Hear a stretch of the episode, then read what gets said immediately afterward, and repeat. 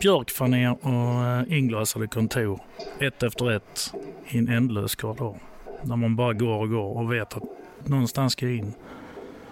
Kommer fram till eh, ett kontor där det sitter en blond tjej, kurator. Du behöver prata Björn. Det behövde jag inte alls tyckte jag. Hon ville prata sjukdom, hon ville prata familj, hon ville prata barndom. Jag ville bara prata hockey. Jag ville prata träning. Träningslära och kost. Hela mitt liv cirkulerar runt det. Jag skulle till NHL. Gick därifrån eh, helt tom. Hon gick förmodligen hem helt tom också. Kände att det där gick inget bra. Med facit i hand så ser jag att det var inte hennes fel. Det var jag som inte överhuvudtaget var redo att prata. Alla erfarenheter bär man med sig genom livet och de väger ingenting heller. Så att det var säkert bra. Jag kom till bättre både psykologer och psykiatrer sen under en lång resa som varade ungefär fem år. Men eh, just det mötet, det gav mig inte jättemycket just då.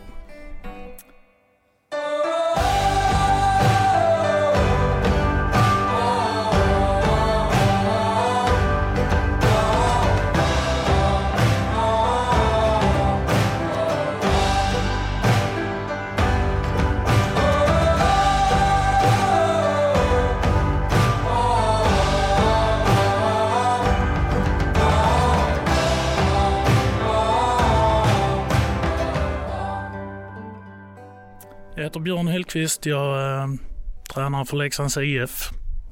Ska gå in på min tredje säsong nu. Jag har haft två fina år. Det första året var ju en... Vi dansade genom serien och blev trea. Andra året var lite stökigare, började bra men lite tyngre sen eh, på grund av skador och kanske, om jag är självkritisk, så eh, inte det bästa träningsupplägget.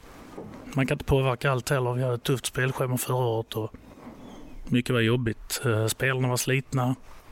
Kanske på grund av att jag la upp träningen på fel sätt. Men eh, nästa år ska vi inte göra det misstaget utan då, eh, då går vi för det fullt ut. Började egentligen min som tränare. Hade aldrig tänkt att jag skulle bli hockeytränare. Halka på ett bananskal in i en liten division 1-klubb i, i Skåne som heter Jonstorps IF. Som kommer att betyda väldigt mycket för mig men det förstod inte jag då följer dem fortfarande och spelar division 2 nu. Jag eh, började som en militant polis och tyckte att alla skulle se likadana ut. Alla skulle in i samma box. Ett hockeylag var bara ett lag. Det fanns inga individer. Och det viktigaste var vad laget var på väg. Man förändras med tiden kan jag säga. Det här är 19-20 år sedan. Jag tror det var 03-04 började jag som tränare där, så det blev 19 då. Gick jättebra för laget kvala med lilla Jonstorp upp till, eh, till allsvenskan. Åkte ut mot Borås. Det var som vanligt en dålig domare. Zebrorna bestämde att vi inte skulle vinna. Och då gjorde vi inte det. Men det var nog bra för mig och det var bra för klubben att inte få den framgången för att eh, då hade nu huvudena på oss vuxit till de sprängts. Tror jag. Jag var kvar i Jonstorp i tre, fyra år. Sen eh, hamnade jag i Rögle och var fortfarande den militanta polisen och inte någon coach. Jag tyckte fortfarande att alla skulle in i samma folla. Det fungerade oerhört bra i Rögle egentligen, där man hade mycket unga killar och nådde en viss framgång där också. Men jag tyckte inte själv att jag utvecklade spelarna. Jag utvecklade ett lag och en grupp. Men jag fick inte fram många NHL-spelare, någon enstaka kanske. Skillnaden idag skulle jag väl säga att jag är absolut inte fullärd och inte ens nära hoppas jag, för jag har väl 20 år kvar av min arbetsgärning hoppas jag, om jag håller ihop. Idag är jag mycket, mycket mer tolerant för avvikande beteenden. Om någon kille vill pierca sig i näsan så gör det för tusan. Men se till att spela bra ishockey. Det är väl lite som samhället i övrigt egentligen, att det mesta är okej okay om du sköter dig. Och resultaten kommer såklart. Dessutom tror jag att om jag vågar vara mig själv som tränare och tillåter mina spelare att vara sig själv så är det mycket, mycket lättare att prestera bra i en miljö som är förlåtande och tillåtande framför allt, där alla personer är välkomna. Och det tycker jag att vi har lyckats med i Leksand. Vi har en mängd, det är en hel palett full med personligheter och det är ingen som försöker kopiera någon annan eller tvingas in i någonting alls. Det enda vi kräver det är 100% stenhårt jobb varje dag. Vi har ett, eh, ett mantra som vi lever efter det är att Success travels in the company of very hard work. There is no trick, no easy way. Perform your best when your best is required. Your best is required each day. Så lever vi och det är det vi kräver av varandra. I övrigt får du vara precis den du är och det respekteras. Och det tror jag är en, en stor del till att folk trivs bra i Leksands IF. Och sen dessutom tror jag att det är en väldigt stor del är att vi i år, sen kan man se det positivt eller negativt, men i år har vi faktiskt skickat sex spelare över Atlanten som har fått, i alla fall fem av dem har skrivit sitt första NHL-avtal. Vilket är jätte, jättestort för killarna själva och för Leksand som har varit en stor del av deras resa till detta. Jag hoppas killarna uppskattar den hjälpen de har fått av materialare, fystränare, juniortränare allihopa på vägen. För allting som de är idag har egentligen Leksand varit med och format. Och det finns ju inget finare än att se, det. se någon blomma. Även om det gör lite ont när knoppar brister ibland. Och det blir lite kaos. Men till alla, till alla våra supportrar och fans som är helt fantastiska och unika i svenska ishockey kan jag säga. Jag har ändå varit runt lite och jobbat i rätt stora klubbar som har fina supporterskar också. Så den backupen vi har den är ju magisk.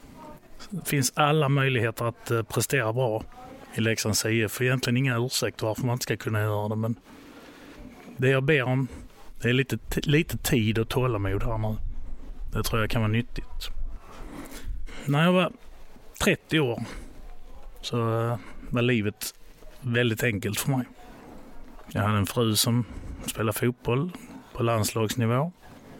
Jag hade själv satsat på ishockeyn men gått sönder och skadat mig. Idag vet jag att hade jag skött min träning bättre så hade jag nog kunnat komma ganska långt. Men knäskador och sånt kommer av, ofta av att du inte har förberett dig. Och det hade inte jag gjort. Jag hade väl fokus på fel saker kanske, skulle jag tro. Men när jag var 30 år gammal så började det hända konstiga saker. Egentligen började det tidigare, det vet jag nu, men det visste jag inte då. Eh, små skakningar i handen, svårt att sätta ner kaffekoppen. På tal om kaffe, ska jag ta en klunk nu?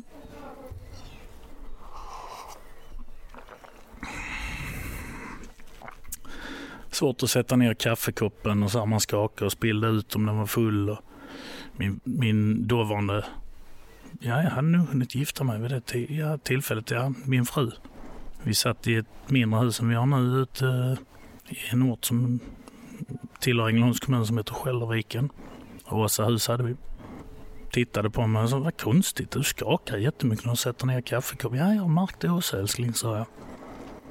Och jag hade haft problem när jag skulle raka mig och borsta tänderna och sånt där. Det var svårt att koordinera högerhanden liksom. Men eh, som man gör när, när sånt dyker upp, det är att man, man stoppar ner det i en låda och sen stänger man det locket och puttar in den under sängen och så får den vara där ett tag. Tills det kommer någonting annat som blir jobbigt. Och för min del så var det att jag fick lite kramper i, i fötter och, och vader och så här. Och till slut så gick det inte längre för jag kunde inte sova på nätterna. Så jag gick till läkaren. Och det sjuka var där att Ingen visste vad det var. Folk trodde jag hade eh, reumatisk värk, blev nedskickad till reumatologen i Lund och provade någon medicin, men det blev bara värre och värre. Till slut var händerna liksom knutna konstant. Så jag sa, det här kan inte funka för att medicinen, det, det kan inte vara rätt detta.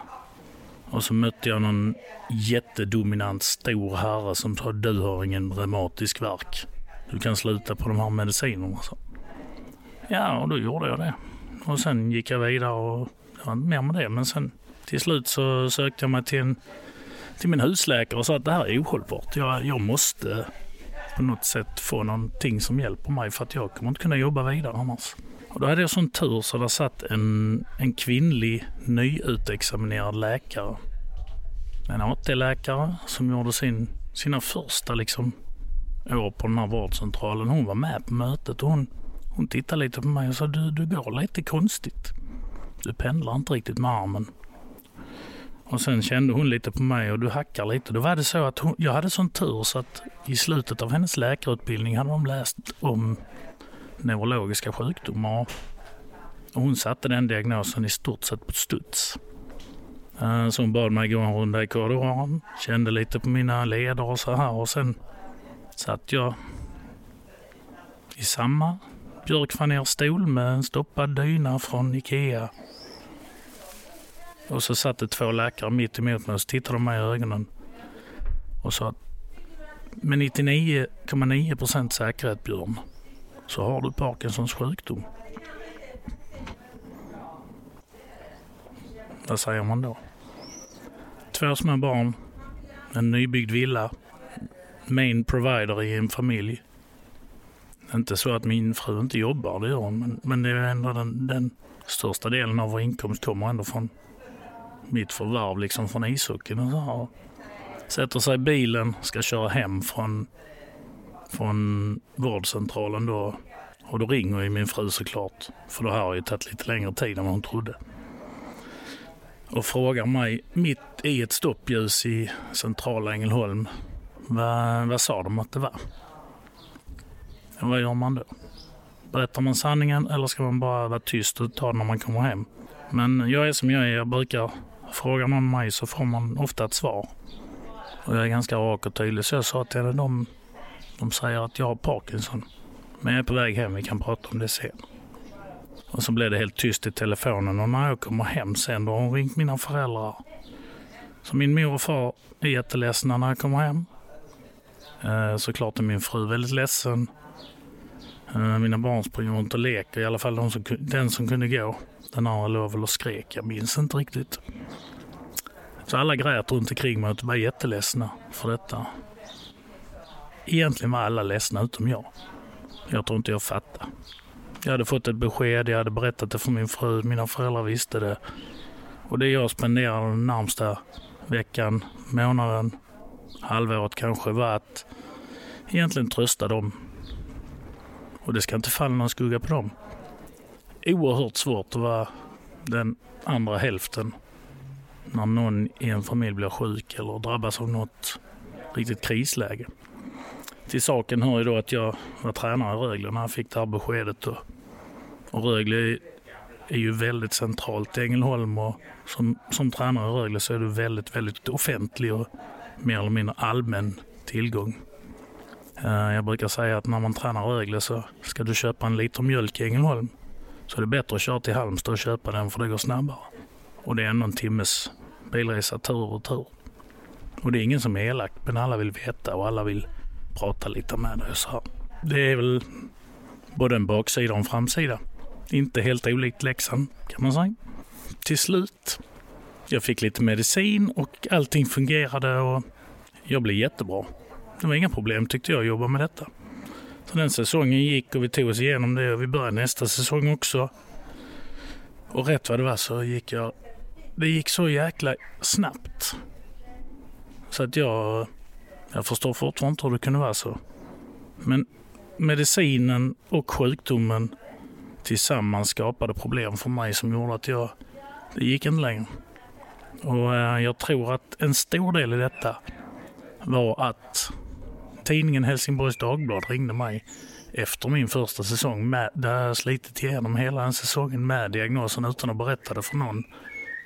Då hade de fått ett tips att eh, Björn Hellkvist har Parkinson. Så de ringde mig mitt i en kvalserie och sa att du, eh, vi tänker gå ut med detta Björn. Vill du kommentera det? Och då bad jag dem att vänta, att inte publicera det under kvalserien, utan kan vi ta det efter?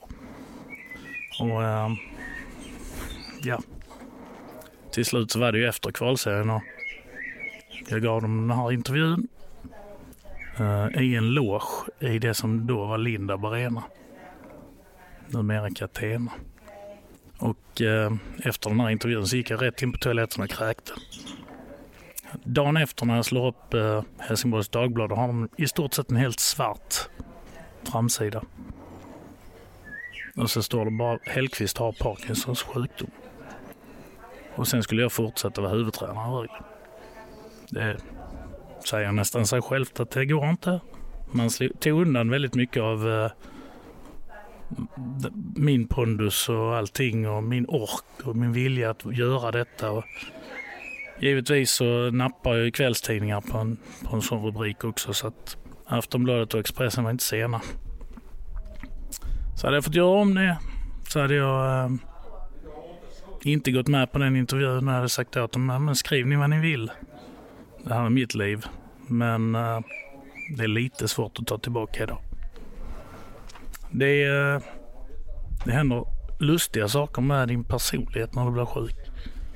Man du får liksom en dom att det här ska du bära med dig hela livet. Du kommer inte bli bättre utan du kommer förmodligen bli lite sämre varje dag. Och så är det. Varje morgon man vaknar så är man lite sämre än dagen innan men det finns enormt bra hjälpmedel.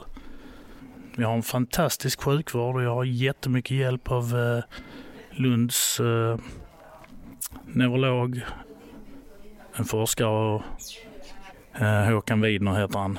Han har hjälpt mig och han är en mer eller mindre en förutsättning för att jag ska fungera idag. Eh, så han gör ett fantastiskt jobb med mig och många andra och jag vet att han är väldigt omtyckt. Så att han får inte gå i pension. Jag tänker kedja fast honom på hans kontor. Så är det. Det som händer med dig, det är egentligen, man kan tro att ishockey blir väldigt meningslöst och det betyder kanske inte så mycket tycker man. När man blir sjuk, utan då handlar det mer om livskvalitet och att leva. Men vad är egentligen livskvalitet och vad är att leva? För mig som, jag älskar min familj, den kommer alltid först. Sen tycker jag om att fiska. Ja, det gör jag. Tycker om att klättra i berg, jag tycker om att åka skidor och allting sånt. Men ishockey är ändå någonting oerhört centralt som har gett mig så mycket. Så att jag skulle nästan säga att i och med den dagen jag, när jag fick det här beskedet då att hockeyn blev så mycket viktigare. Det finns inget värre för mig än att vara oförberedd. Det finns inget värre för mig än att vaska en dag. Det finns ingen anledning om jag har en, ett ispass, om det sen är jag eller mina spelare, att inte göra det bästa av det ispasset. För är det någonting man lär sig när man blir sjuk, det är att de 30, 35, 40 minuterna som du är på is, de kommer gå ändå. Jag började själv spela hockey i Malmö. En pappa som spelade i MIF, hette det väl på den tiden, Redox idag. Duktig spelare, gjorde mycket mål. Eh, så här, och jag, jag hängde där. Det var egentligen min uppväxt, eh, mina första 6-7 år i livet. Jag var i korridorerna på Malmö gamla isstadion. De som passade mig var väl egentligen lagets materialare och fostrade in mig i hockeyns värld. Fick lära mig bra värderingar, hur man är i en grupp, att man, man säger vad man tycker, men man tar inte för stor plats. Man vill inte trampa folk på tårna för mycket. Men ändå alltid stå upp för sig själv.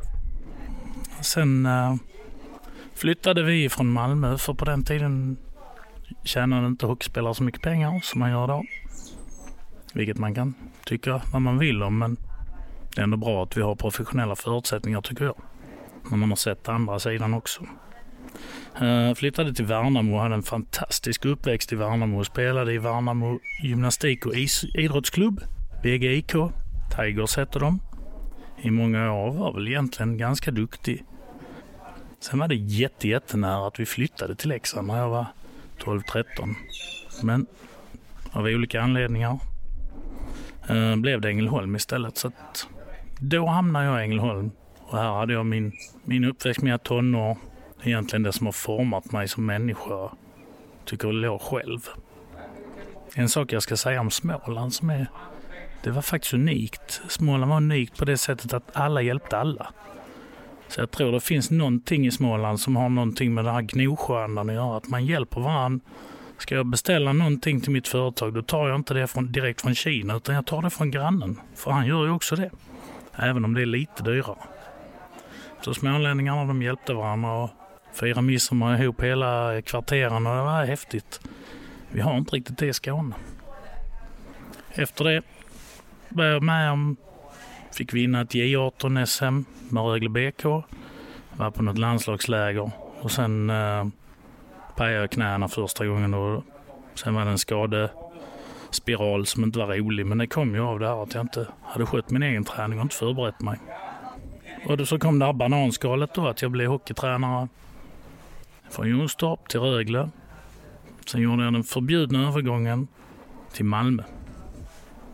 Och det folk liksom i Ängelholm och gå till Malmö, det är, man blir inte jättepopulär. Och jag möttes, var, jag fick en, eller fick och fick, men jag körde en bil med en stor rödhök mellan Ängelholm och, och Malmö.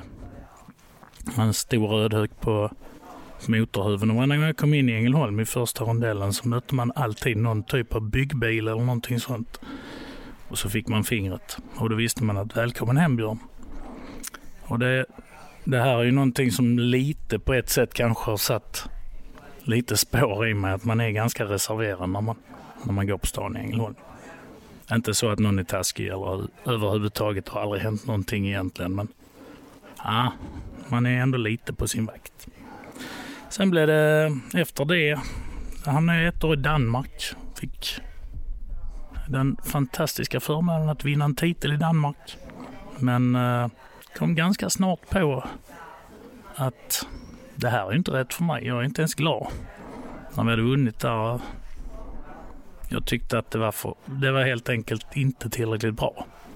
Jag tyckte inte att det laget jag tränade var tillräckligt bra för att vinna och när vi vann så var det mer att jag kunde känna glädjen för att vi vann mer för att de andra var så dåliga. Så då sökte jag mig hem till Sverige igen och köpte ut mig det kontraktet och hamnade i Oskarshamn. Hade ett jättebra år i Oskarshamn men kände att det, Oskarshamn var som en, en mellanlandning. Jag ville till något större. Och hamnade i Modo. Uh, hade två superfina år i Modo. Skaffade många vänner. Och det är ju någonstans på den här, det är ju bonusen med det här jobbet att du träffar jäkligt goa människor. Efter det en något uppmärksammad och stormig övergång till Leksand.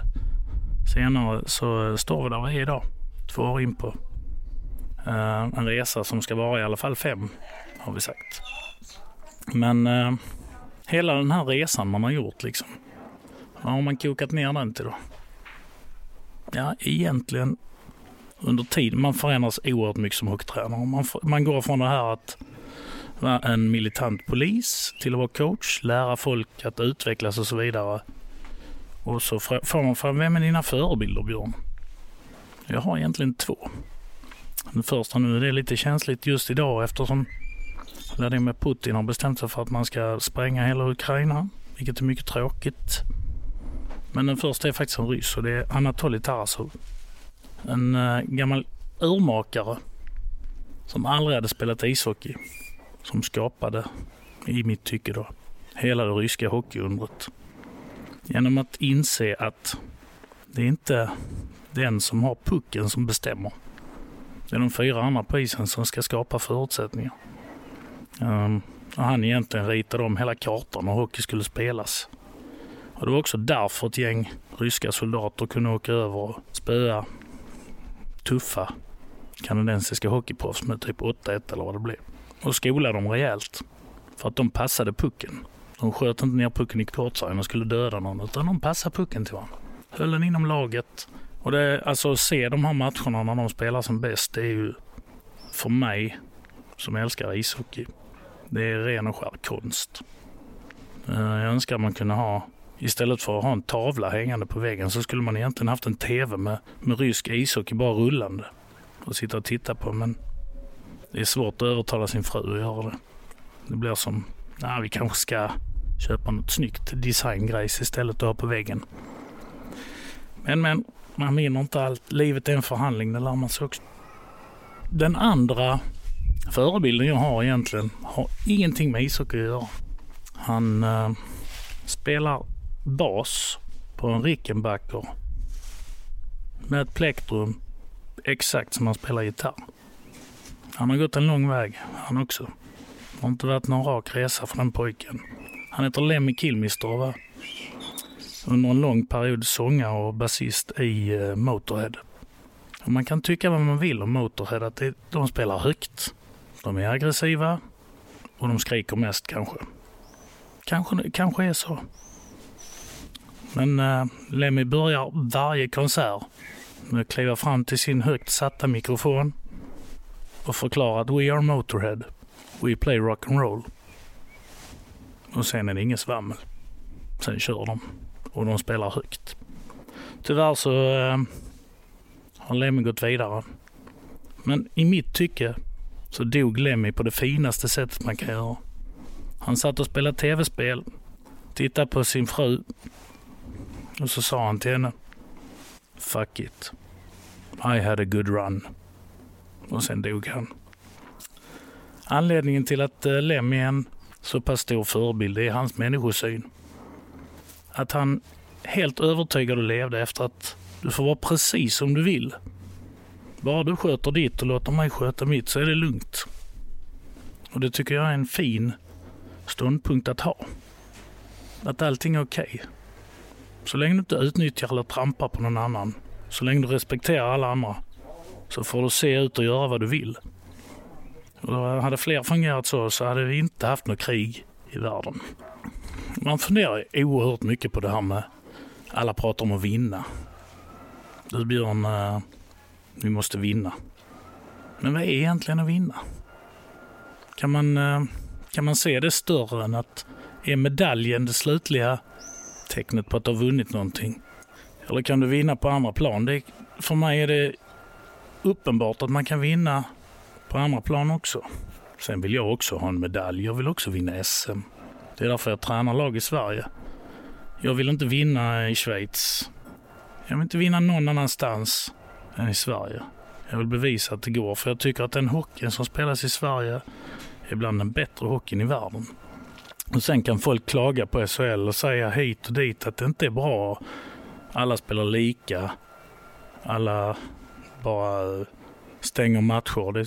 Tufft och det är svårt för artister. Ja, men det, det är det. Men det är ju för att det är en bra liga vi har. Ska jag vinna, ska jag vinna i Sverige. Men jag kan också se andra nyanser. En av de största vinsterna jag har haft under min tränarkarriär det är när Dennis Everberg spelade sin första match i Colorado. Han eh, var reserv på hockeygymnasiet i Ängelholm. En lång späd pojk som var så långsam så jag döpte honom till filmjölk. Vet när han skulle äta frukost, alltså det tog Ja, det tog två timmar för honom att få i sig en tallrik frukost. Men vilken hockeyspelare och vilken lagspelare. Så det värmde något oerhört. Och faktum är att Dennis han har, han har spelat i alla de stora ligorna. Han har spelat i SHL, han har spelat i KHL, han har spelat i AHL, NHL, eh, NLA i Schweiz. Och han har två VM-guld. Och han har gjort allt det i tredje och fjärde linor. Det är först nu Dennis får lov att spela powerplay. Det är någonting många unga borde tänka på att ibland är vägen lång och ibland får man jobba för det precis som Lemmy Kilmister gjorde.